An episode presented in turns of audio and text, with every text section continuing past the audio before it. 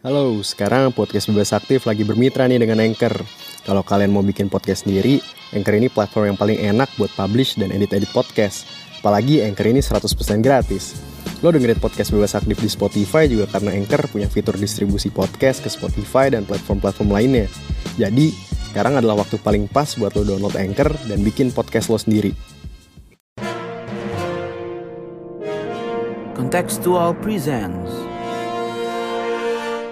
Halo teman-teman, di edisi terakhir tahun 2022 ini, Sesi Sofwan akan membahas 10 event penting di 2022 yang gak kalah pentingnya dibanding dengan invasi Rusia pada Ukraina dalam membentuk politik internasional.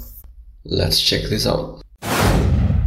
Pertama adalah penerapan aturan-aturan ekspor terbaru oleh Amerika Serikat khususnya Departemen Perdagangan eh, di Biro eh, Industri dan Keamanan atau Bureau of Industry and Security yang kemudian mengeluarkan serangkaian peraturan ekspor controls ya kontrol ekspor pada Oktober 2022 yang lalu. Aturan-aturan ekspor ini signifikan karena ditujukan untuk menghambat perkembangan dan produksi uh, semikonduktor yang canggih ya, uh, yang kemudian tentu saja diharapkan dapat menghambat perkembangan teknologi Cina yang dipersepsikan dapat menjadi ancaman keamanan nasional dari Amerika Serikat. Ya kebijakan ini meliputi pembatasan untuk aktivitas bagi perusahaan-perusahaan Amerika Serikat dan bahkan individu-individu warga negara Amerika Serikat di luar negeri yang dilarang terlibat dalam pengembangan uh, industri semikonduktor di yang kemudian menguntungkan Cina ya, termasuk ekspor dari beragam teknologi, software dan peralatan-peralatan ini bahkan warga negara Amerika Serikat dan perusahaan Amerika Serikat juga kemudian dihambat untuk terlibat ya, dalam transaksi yang berkaitan dengan advanced computing, artificial intelligence atau kecerdasan buatan, superkomputer, semiconductor production, dan semiconductor related supply chains yang melibatkan China.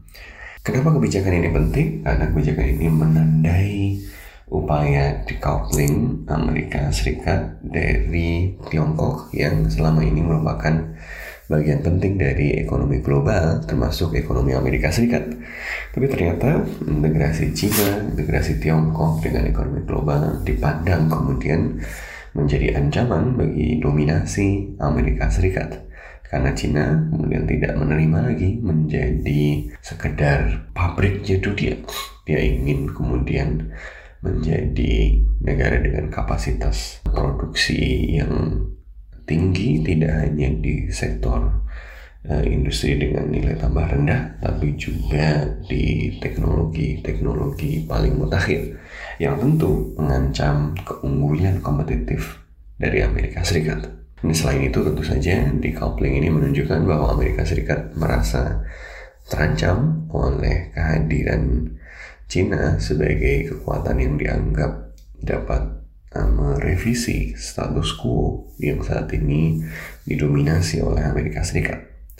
Nah ini terlihat juga bahwa kebijakan ini merupakan bagian atau bahkan penerjemahan dari uh, kebijakan keamanan nasional Amerika Serikat atau National Security Strategy juga diluncurkan pada tahun ini.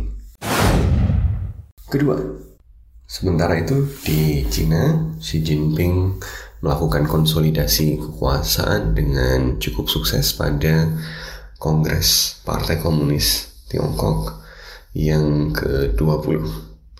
Xi Jinping menunjukkan kekuasaan dengan terpilih kembali sebagai sekjen Partai Komunis Tiongkok, Partai Komunis Cina untuk periode ketiga. Ada yang senang juga nih dengan tiga periode. Tidak hanya itu, dia kemudian mengkonsolidasikan kekuasaannya di Politburo, khususnya di kelompok tertingginya yaitu di standing committee yang sekarang diisi oleh para loyalis. Rivalnya Li Keqiang yang seharusnya masih dalam usia bisa menjabat lagi digantikan oleh eh, loyalisnya yaitu Li Jiang yang merupakan pimpinan Partai Komunis di Shanghai.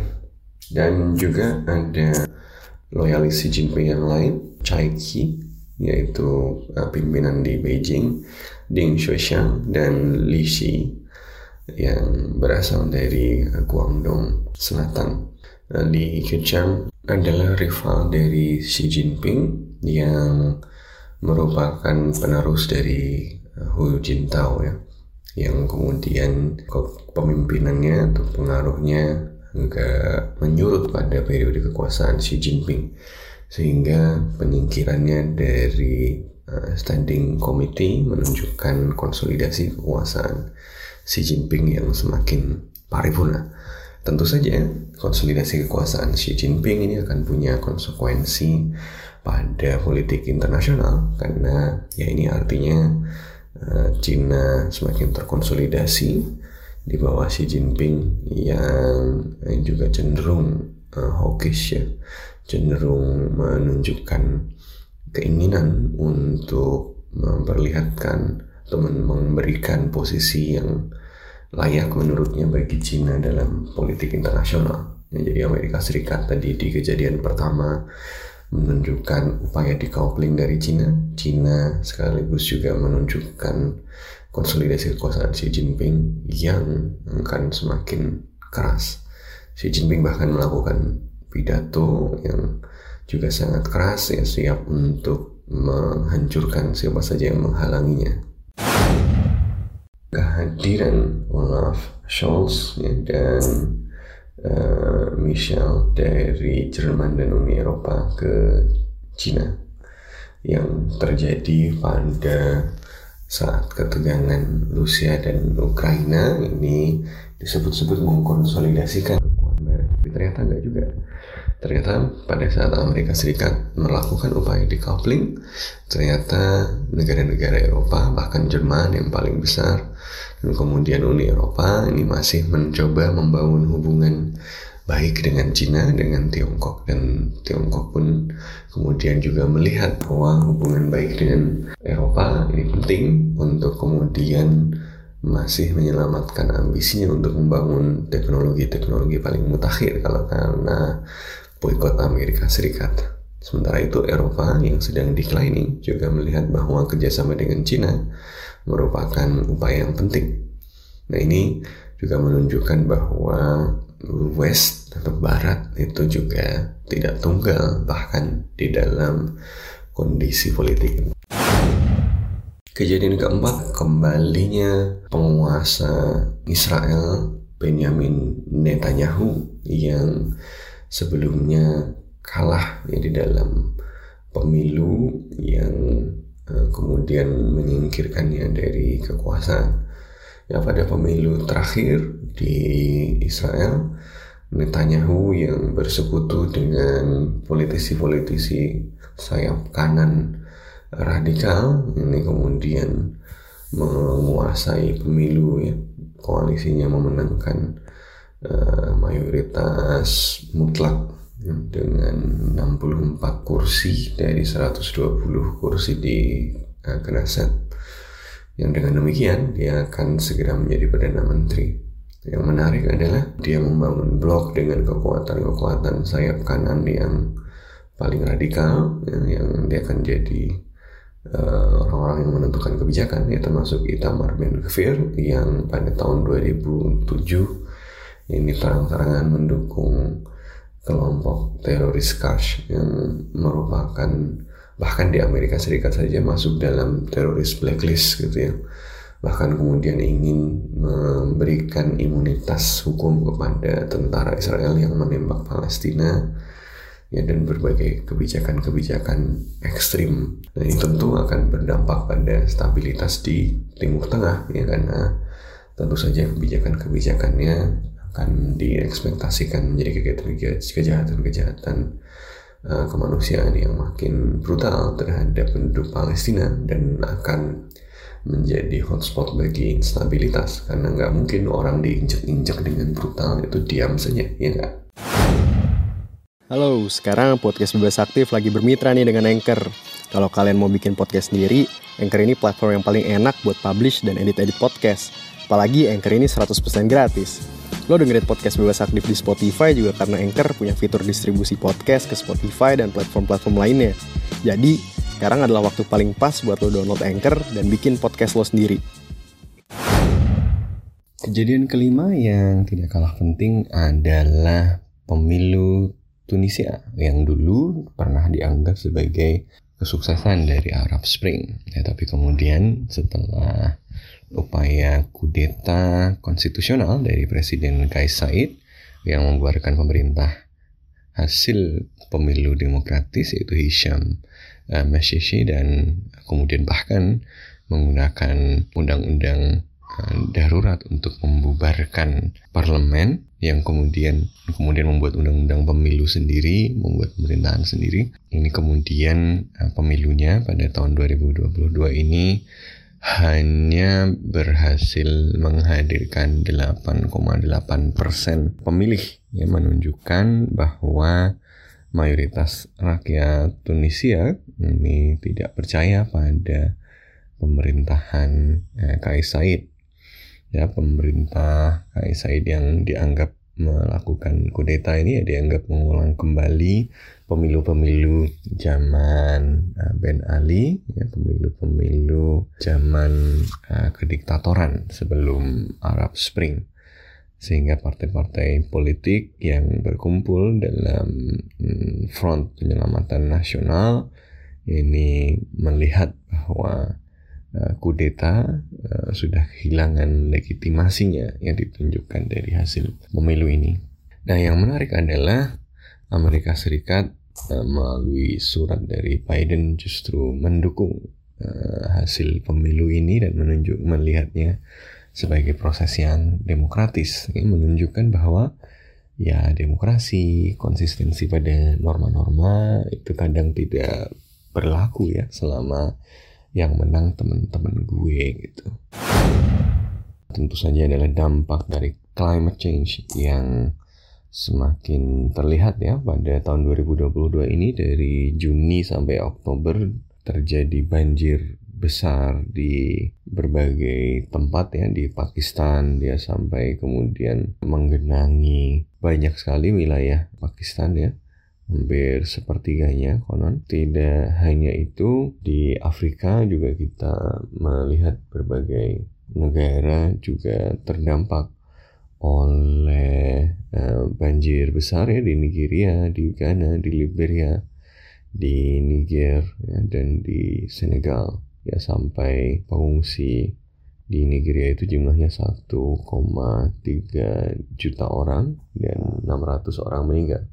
Kalau di Pakistan tadi malah lebih besar lagi jumlah yang meninggal ya, yang meninggal sampai uh, ribuan orang. Belum yang kemudian harus uh, pindah tempat karena banjir yang luar biasa besar. Hal ini menunjukkan bahwa ya climate change is real, climate catastrophe atau bencana iklim is here. Kejadian ke-8 ekspansi dari kekuatan yang terafiliasi dengan ISIS ternyata masih belum punah nih kelompok ini yang kemudian uh, melakukan ekspansi di uh, Burkina Faso ya dan di Benin dan di uh, Togo. Nah, ini menunjukkan bahwa ternyata ancaman dari kelompok ini Daesh ini masih berlanjut meskipun bukan di jantung utamanya tapi justru di Afrika.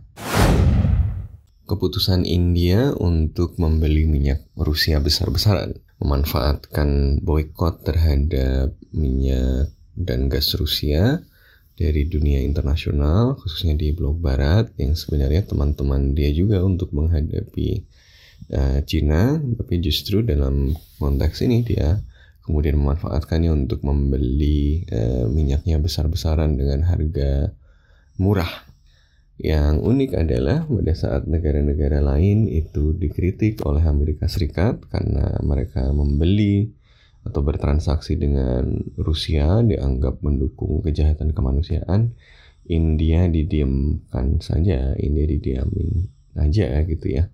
Ya karena Amerika Serikat butuh India untuk menghambat Cina. Nah lagi-lagi ini menunjukkan bahwa uh, ya kadang-kadang uh, sikap terhadap suatu negara lain itu ya tidak didasari oleh nilai-nilai yang jelas atau standar yang jelas. Ya kan? Indonesia bahkan sempat ditekan untuk tidak menerima Rusia di forum G20 tapi uh, India beli minyak besar-besaran dibiarkan saja nah ini kan menunjukkan beberapa masalah dengan uh, politik internasional hari ini salah satunya adalah kemunafikan Last but not least, fenomena paling penting tahun ini adalah penghapusan zero covid policy di China gitu ya. Uh, FOMO juga nih Beijing.